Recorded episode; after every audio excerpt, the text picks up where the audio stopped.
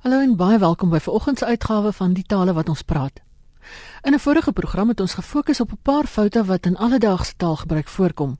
En dit het so baie terugvoer opgelewer dat ek besluit het om die taalpraktisyn Tom McLaglen te vra om met nog 'n paar taalduweltjies te help. Tom is eintlik deesdae Kaapenaar, maar hy was toevallig 'n paar dae in Johannesburg en hy is vandag hier by my in die ateljee.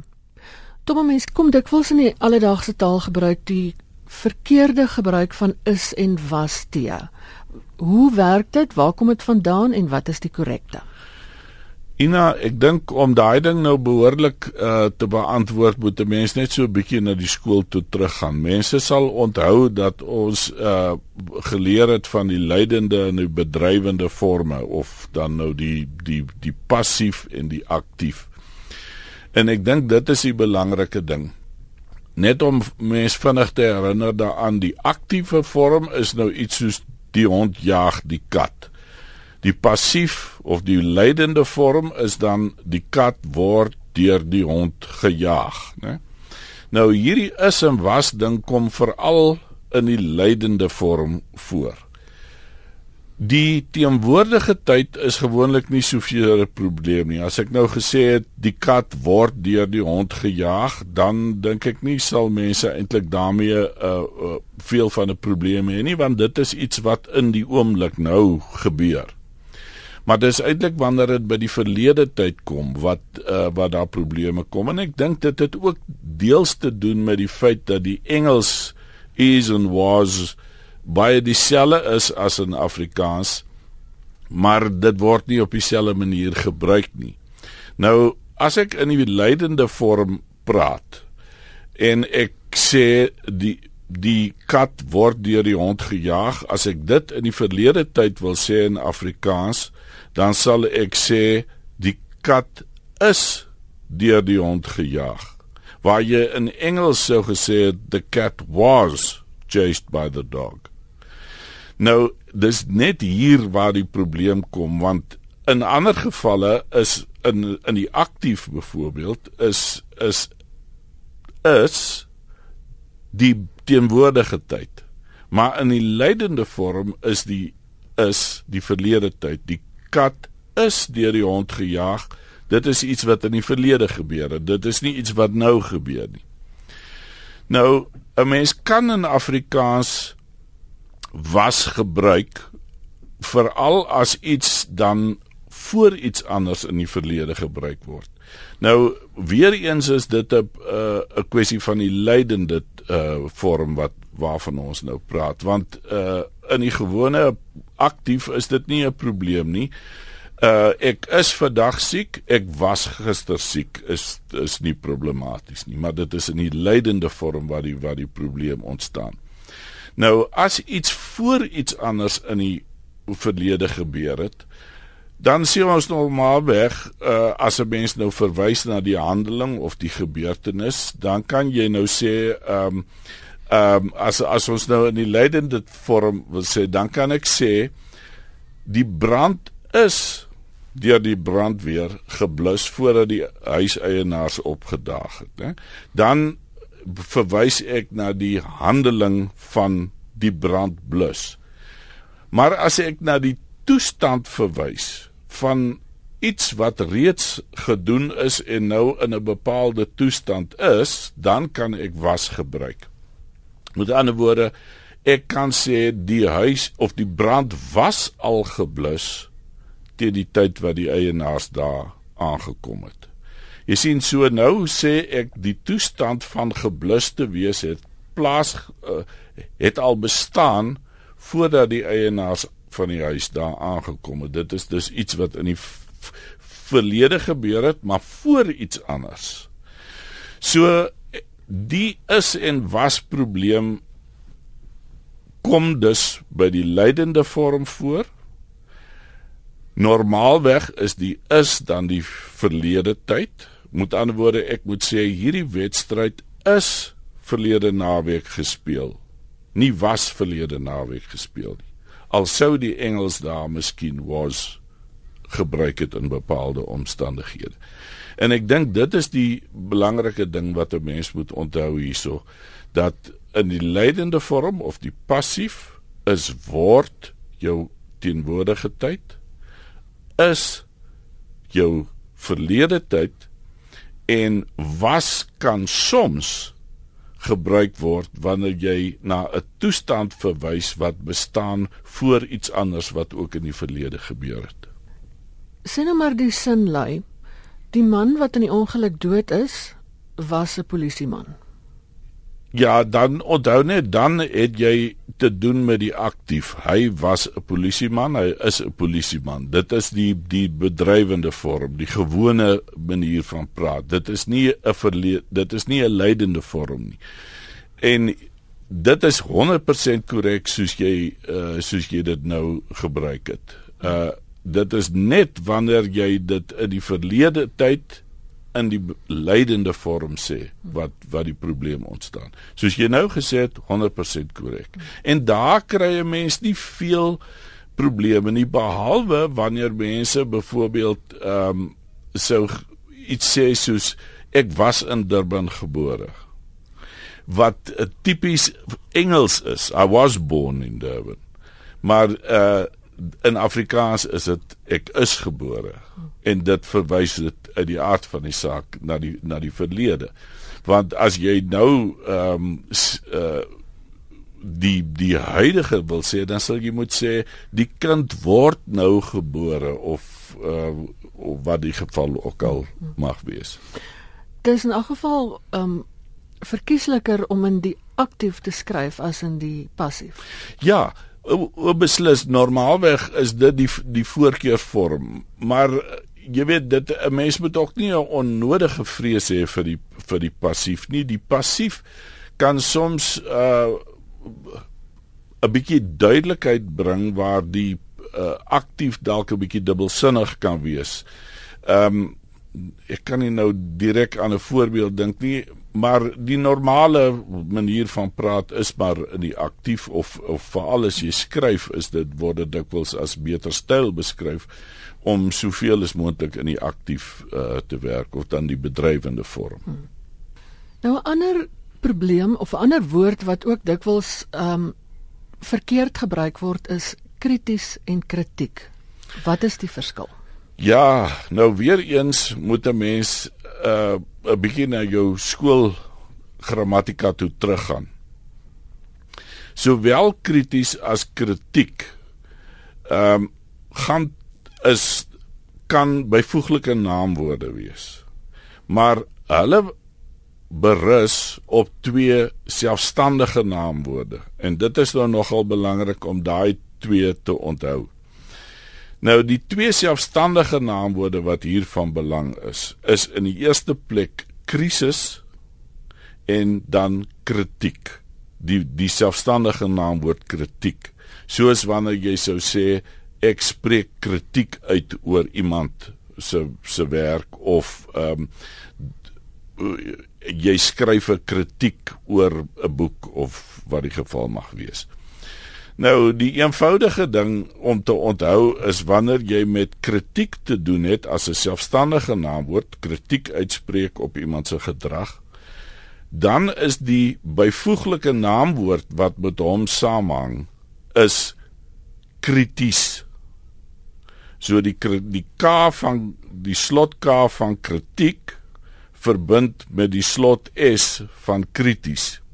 Met ander woorde, ek sal dan sê ek was baie krities oor jou gedrag of die uh die die resensent was krities oor die uitvoering of wat die geval mag wees.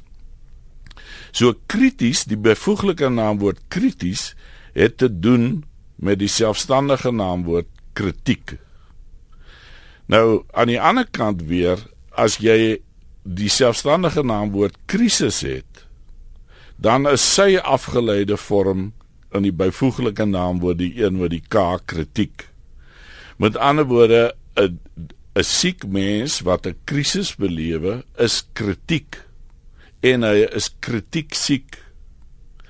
Nie krities siek nie, want hy spreek nie kritiek uit nie, hy beleef 'n krisis. So 'n manier om dit te onthou is om daai twee byvoeglike naamwoorde kritiek en en en krities te verbind met die twee selfstandige naamwoorde waarmee hulle verband hou, naamlik kritiek en krisis. En as jy nou so half 'n eselsbruggie wil maak, dan kan jy onthou die selfstandige naamwoord wat op 'n K eindig, het 'n byvoeglike naamwoord wat op S eindig maar die selfstandige naamwoord wat op s eindig het 'n byvoeglike naamwoord wat op k eindig. En dit is maar die verskil wat 'n mens moet maak. Jy sal dus sê um die kernreaktor het 'n kritieke temperatuur bereik, nie 'n kritiese temperatuur nie. Nou 'n mens hoor nou juis by die soort van uh, goed dat hulle sê die die reaktor het krities gegaan Maar uh, streng gesproke is dit nie reg nie. Die goed loop wel 'n bietjie deur mekaar in die praktyk. Maar ek dink 'n mens moet onthou dat as jy as jy suiwer en uh, noukeurig wil praat, dan moet jy die onderskeid maak tussen kritiek wat te doen het met 'n krisis en krities wat te doen het met kritiek wat jy uitspreek.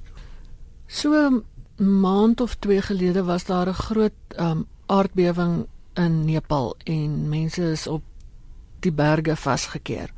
Hoe Dis verwys mens na die berg, Everest of die Drakensberg of wat ook?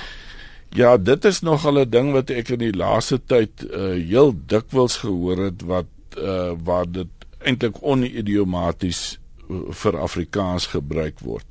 Nou ek dink wat dikwels gebeur is dat 'n uh, mens byvoorbeeld as jy 'n nuusberig van 'n nuusagentskap kry in Engels, dan sal hulle na so 'n berg wat 'n uh, bietjie onbekend is, miskien uh, vir uh, verwys as um, Mount so and so of Cinema Mount Everest om nou maar 'n uh, bekende voorbeeld te gebruik. Nou in die meeste gevalle as ons in Afrikaans praat veral van so 'n bekende uh, berg, dan sal ons eenvoudig net sê Everest. Daar is uh, eh, 10 mense is in die sneeustorting op Everest dood, terwyl jy in Engels heel maklik sou kon sê on Mount Everest of dan nou ook net Everest. Ehm um, en ek dink die belangrike is om te onthou dat ons in Afrikaans daai mount nie sonder meer vertaal as berg en dit dan noem hulle is op berg Everest dood nie of op berg Kilimanjaro of wat die geval mag wees nie. Ons het baie sulke kombinasies in Afrikaans. Ons sal byvoorbeeld sê uh hy land op die lughawe oor Tambo. Ehm um, of uh, ons uh, gesels nou in die stad Johannesburg.